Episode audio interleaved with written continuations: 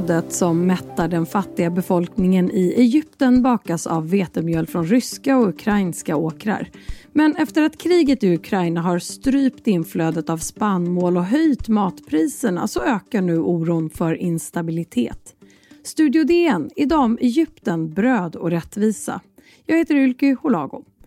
Och nu har jag med mig Erik Olsson, reporter här på Dagens Nyheter. Hej Erik! Hej! Du och fotograf Alexander Mahmoud har precis kommit hem från en reportageresa i Egypten där ni bland annat tittade närmare på brödfrågan. Till att börja med, vilken betydelse har bröd i den egyptiska matkulturen? Eh, brödet har en oerhört stark betydelse och har alltid haft sedan eh, ja, tusentals år tillbaka. Eh, bara en sån sak som att eh, bröd och liv heter samma sak på egyptiska arabiska, aish. Det säger ju en del om, om, om brödets ställning eh, i, i Egypten. Och i vilka sammanhang äter man bröd eller när äter man inte bröd snarare? Alltså, du, man äter ju bröd i, i, vågar jag säga, i alla möjliga sammanhang. Och, och eh, sen är det också så att, eh, som vi kommer att prata om mera sen, är, ju, är det ju en... Egypten har ju en väldigt stor befolkning, drygt 100 miljoner invånare en tredjedel av den befolkningen, de ska klara sig på mindre än 20 kronor om dagen. De är alltså hyfsat fattiga och eh, deras eh, kost eh, bygger på, på intag av bröd som är subventionerat av staten. Och sen Rysslands anfallskrig mot Ukraina så har alltså tillgången till spannmål som vete strypts. Vad får det här för konsekvenser i Egypten? Eh, det är ju så att Egypten eh, importerar en väldigt stor del av, av vetet som man bakar detta subventionerade bröd av. Och eh, 80 procent av importen kommer ifrån Ryssland och från Ukraina. Och eh, eh, Ukraina-importen ligger i princip nere. Det 300 000 ton ligger i, i ukrainska hamnar och kommer inte därifrån. Vetet ligger och ruttnar. Eh, några få eh, la laster har, har körts via eh, tåg, tågsätt eh, över Polen och, och, vidare ner mot Medelhavet. Eh, den ryska importen har också störts, äh, importen ja, har, har störts också kraftigt av, av pågående kriget. Det här gör ju att det blir brist på vete. De får försöka skrapa upp vete från annat håll. Det har väl gått så där. Eh, priserna ökar och folk är väldigt oroliga då för att, för att även subventionerna ska, ska då påverkas. Hela världen drabbas ju ekonomiskt av kriget i Ukraina på flera olika sätt. Varför är Egypten extra utsatt? Ja, det är som du säger så är det ju, eh, är det ju så att eh, eh, Ukraina-kriget påverkar hela världens eh, eh, prissättning på livsmedel och bränsle. Vi ser det här i Sverige, rekorddyr bensin och, och eh, varustörningar och så. Men alltså ett, ett fattigt och folkrikt land som Egypten eh, eh, med, sta med starka subventioner, de riskerar ju betydligt större smällar. Och då, då får man ju också komma ihåg att, att eh, det här stora landet eh, är, är ju, även om det just nu verkar politiskt stabilt, så har det ju funnits eh, tillfällen då, då, då eh, brödpriser, påverkan på brödpriser har utlöst folkliga revolter som har fått rätt stora konsekvenser. Du och Alexander följde med Kairobon Hoda Nasser när hon köpte bröd. Hur gick det till? Ja, det, det är ju så att vi ville komma ut och se hur det här påverkar vanligt folk, som det heter. Och, och, eh, så vi snurrade runt i Kairo och besökte bagerier. Det var inte helt lätt att komma till tals med, med varken bagare eller kunder, därför att folk är numera rädda att prata med, med eh, utländska journalister, med utlänningar, överhuvudtaget yppa någonting som skulle kunna eh, framstå som kritik. Eh, men det var ju några som var frimodiga och ställde upp och däribland den här kvinnan eh, som figurerar i reportaget eh, som heter Hoda Nasser, fyrbarnsmamma och som eh, tillhör dem som eh, lever, kan man väl säga, hon och hennes familj på subventionerat bröd. Och Hur var det att följa med henne? Hur, gick, liksom, hur var hennes brödprocedur i vardagen? Vad var det ja, ni fick se? Jo, det är ju då så att, att hon, eh, man, eh, en, ungefär eh, två tredjedelar av befolkningen, alltså 60-70 miljoner, de är berättigade till eh, subventionerade basvaror. Bröd, socker, matolja, te tror jag det är också, ris. Och eh, eh, då går det till så att eh, då laddar man ett ransoneringskort, ett elektroniskt ransoneringskort på eh, ett antal uttag då som man får göra varje månad. Eh, så går man till sin handlare och så eh, eh det, det, är konstruerat så att varje, varje person som, som är berättigad till ransonering kan ta ut fem bröd varje dag. Hoda var där och hämtade bröd denna dag, denna fredag var det, till sin man och till henne själv. Så hon hämtade ut tio stycken eh, av de här klassiska brödet som ser ut som det vi kallar för pitabröd.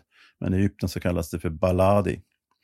Och eh, Hoda, hon var ju väldigt noga med, med, alltså för oss ett otränat öga så är bröden exakt likadana ut, men Hoda är ju expert och hon eh, visade då hur, hur ja men det här är, är, har hon gräddat lite, lite hårdare, så det, det är tunnare skorpa, det väljer jag bort. Det här är lite bränt i kanterna, det väljer jag bort. Men det här var tjockt och fint, det tar jag. Så hon stod där liksom och, och, och och eh, ja, schackrade, valde eh, och sovrade väldigt noga innan hon fick fram sina tio bröd till eh, bagarens stora förtret. Då. Men, men, jag tyckte det var lite, vi tyckte det var lite intressant att se. Och sen finns det ju en, vad ska man säga, en, en allvarlig underton i det här. Att, att det är så himla viktigt att varje, att, att liksom se till att eh, varje uns av bröd eh, kommer, eh, kommer familjen till del. Vi ska ta en kort paus och sen prata vidare om vetebrist och brödsubventioner i Egypten.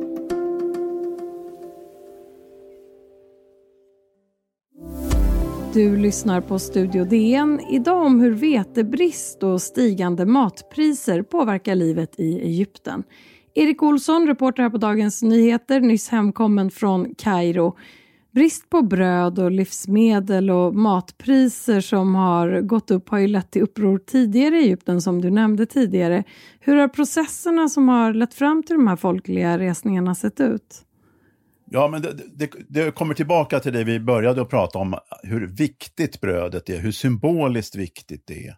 Därför att Egypten är, det är ju, även om eh, det har varit auktoritärt styrt i, i eh, så länge man kan minnas, så är det ju, har det varit en välfärdsstat också eh, med billiga basvaror till medborgarna, gratis sjukvård, gratis utbildning och så vidare. Men det här har liksom rullats tillbaka, det har naggats i kanten. Eh, eh, Reformerna har, har, har tunnats ur och, och eh, devalverats. Det som återstår är, är brödet, det billiga brödet. Så att det är ju väldigt viktigt för, för egyptierna att de kan köpa sitt bröd då för fem piastrar, vilket motsvarar tre öre. Eh, eh, alltså varje brödkaka, då, brödstycke, kostar fem piastrar. Och får de inte göra det, ja då, då blir det liksom det här samhällskontraktet upplöst och då kan de bli jävligt arga helt enkelt. Det har hänt tidigare, det hände 1977 eh, då man från eh, eh president Sadats håll sa att vi avskaffar subventionerna för att internationella valutafonden krävde det. Eh, men eh, eh, folk är ut på gatorna, brände ner offentliga byggnader, protesterade väldigt handgripligt. Och då drogs det här förslaget tillbaka ganska omgående. Samma sak hände 2011, eh, som det som var, vi kallar för den arabiska våren. Eh, bröd, värdighet och rättvisa var ett av slagorden. Och det grundades i eh, att Eh, det talades då om, om kraftiga höj, prishöjningar och avskaffande av ransoneringar. Det här var ju en tändande gnista då för den här folkliga revolten som tvingade bort eh, president Mubarak.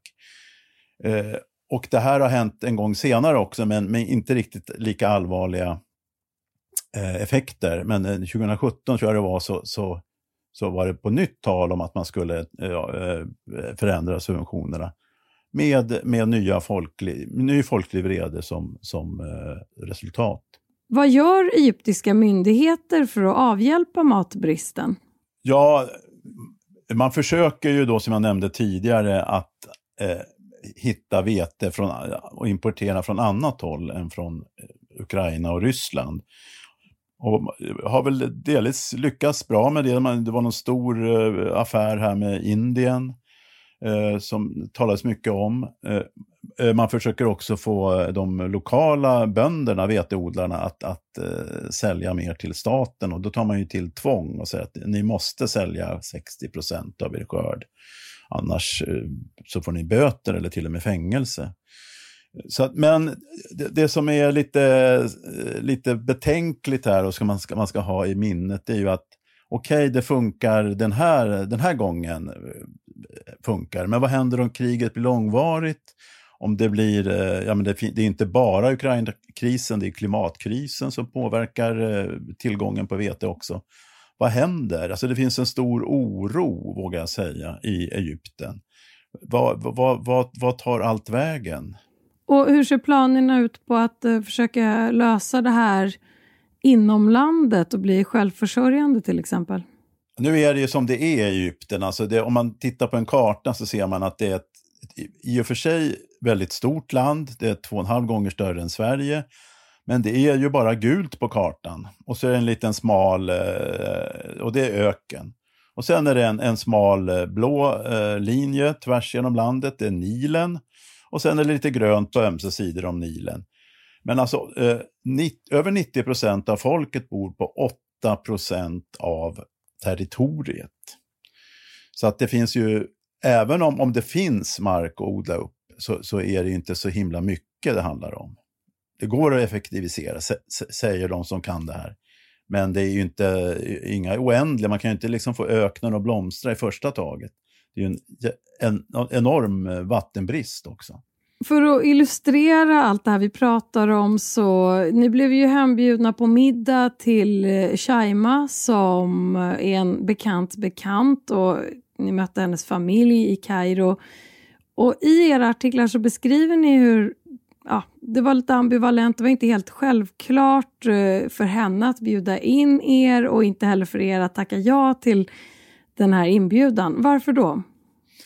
Alltså jag har rest i Egypten som, äh, i 30 år som journalist, i 40 år som, som äh, intresserad ja, resenär. Och det är ju ett enormt gästfritt folk. Alltså de, kommer du hem till en egyptier så tömmer han eller hon eller de eh, matförråden, ställer fram det de har. Men då blir det ju lite knivigt då när, när jag vet, eh, Alexander vet, alla vet att eh, det här, den här måltiden som de bjuder på, då får de ju kanske, eh, om inte svälta, så i alla fall dra åt svångremmen, rejält, svångremmen rejält i, veckovis framåt. Samtidigt som de vill så gärna visa sin gästfrihet och, och, vi var ju nyfikna på hur, hur, hur, hur funkar det här för en, en vanlig eh, lägre medelklassfamilj. Så vi, vi hängde ju på där i alla fall och det ångrar vi inte. Och hur var själva middagen? Vad, vad berättade den om den större matkulturen i Nej, men Det är ju det här, eh, jag beskriver ju, och det är ju, jag tror inte det är någon överdrift, att, att, och det är som i många länder i östra medelhavet, att, att eh, när, det kommer, när det kommer en gäst, då bullar man upp och då, då ska det inte vara så att eh, maten tar slut, för det är en oartighet mot gästen, utan det ska finnas i överflöd. Och det gjorde det verkligen. Jag menar, sen, sen var det ju så att, och det, det, sa de ju själva, att det här är huvudsak, det de bjöd på var i huvudsak grönsaker som ännu fortfarande är ganska billigt. Ris som är subventionerat, faktiskt inget bröd. Eh, och sen hade de också köpt en kyckling och, och kokat eh, nötkött. Så det, det, var, men det var, alltså det var ju överdådigt och det var enormt gott. Det var det, vi var i Egypten i tio dagar och det här var det bästa vi, jag åt under den tiden. Mm.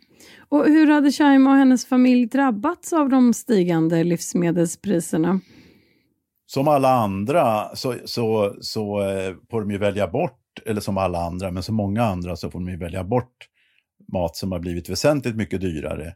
Exempelvis eh, kött då, eh, av nöt och fjäderfä. Eh, sen är det ju, kan de ju fortfarande köpa eh, ransonerade varor eftersom de är berättigade till det. Men hon beskrev väldigt eh, utförligt och ingående den här oron som alla känner, nervositeten, vad ska hända? Hon var ensam för, för tillfället ensam familjeförsörjare, eh, jobbar som taxichaufför, faktiskt Uberchaufför.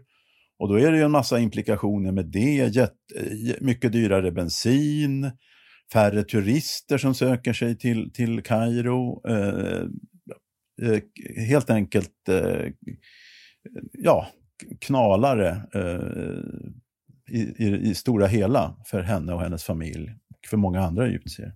Om vi avslutningsvis zoomar ut igen, hur ser stämningarna ut i Egypten kring matfrågan? Finns det risk att det blir en ny protestvåg? Alltså, det är ju så här att den, den, den regim som sitter nu med, med president al-Sisi, det är som, som jag bedömer i alla fall den mest auktoritära i, i, som har funnits i Egypten. Eh, och eh, det säger ju inte lite. Alltså de är väl, och de är väldigt, eh, just det här att eh, det ska inte sticka upp någon, eh, man ska, all kritik ses liksom som majestätsbrott. Eh, pressfriheten är ju liksom, eh, Egypten är ju nu eh, Afrika, afrikanska kontinentens minst eh, fria land vad det gäller pressen enligt eh, Reporter utan gränsers pressfrihetsindex. Och det har gått fort. Det här betyder liksom att, att man, man pressar ner en massa vrede, en massa folklig vrede. Den får inte utlopp någonstans.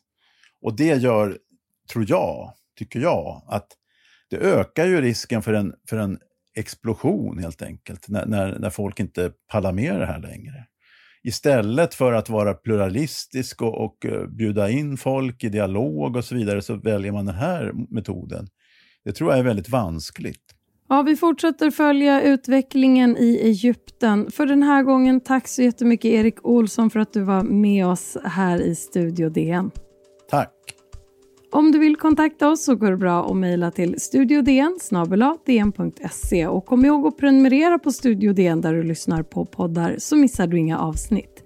Studio DN görs för Podplay av producent Palmira Kokari Menga. Ljudtekniker Patrik Miesenberger, teknik Oliver Bergman på Bauer Media och jag heter Ylke Holago.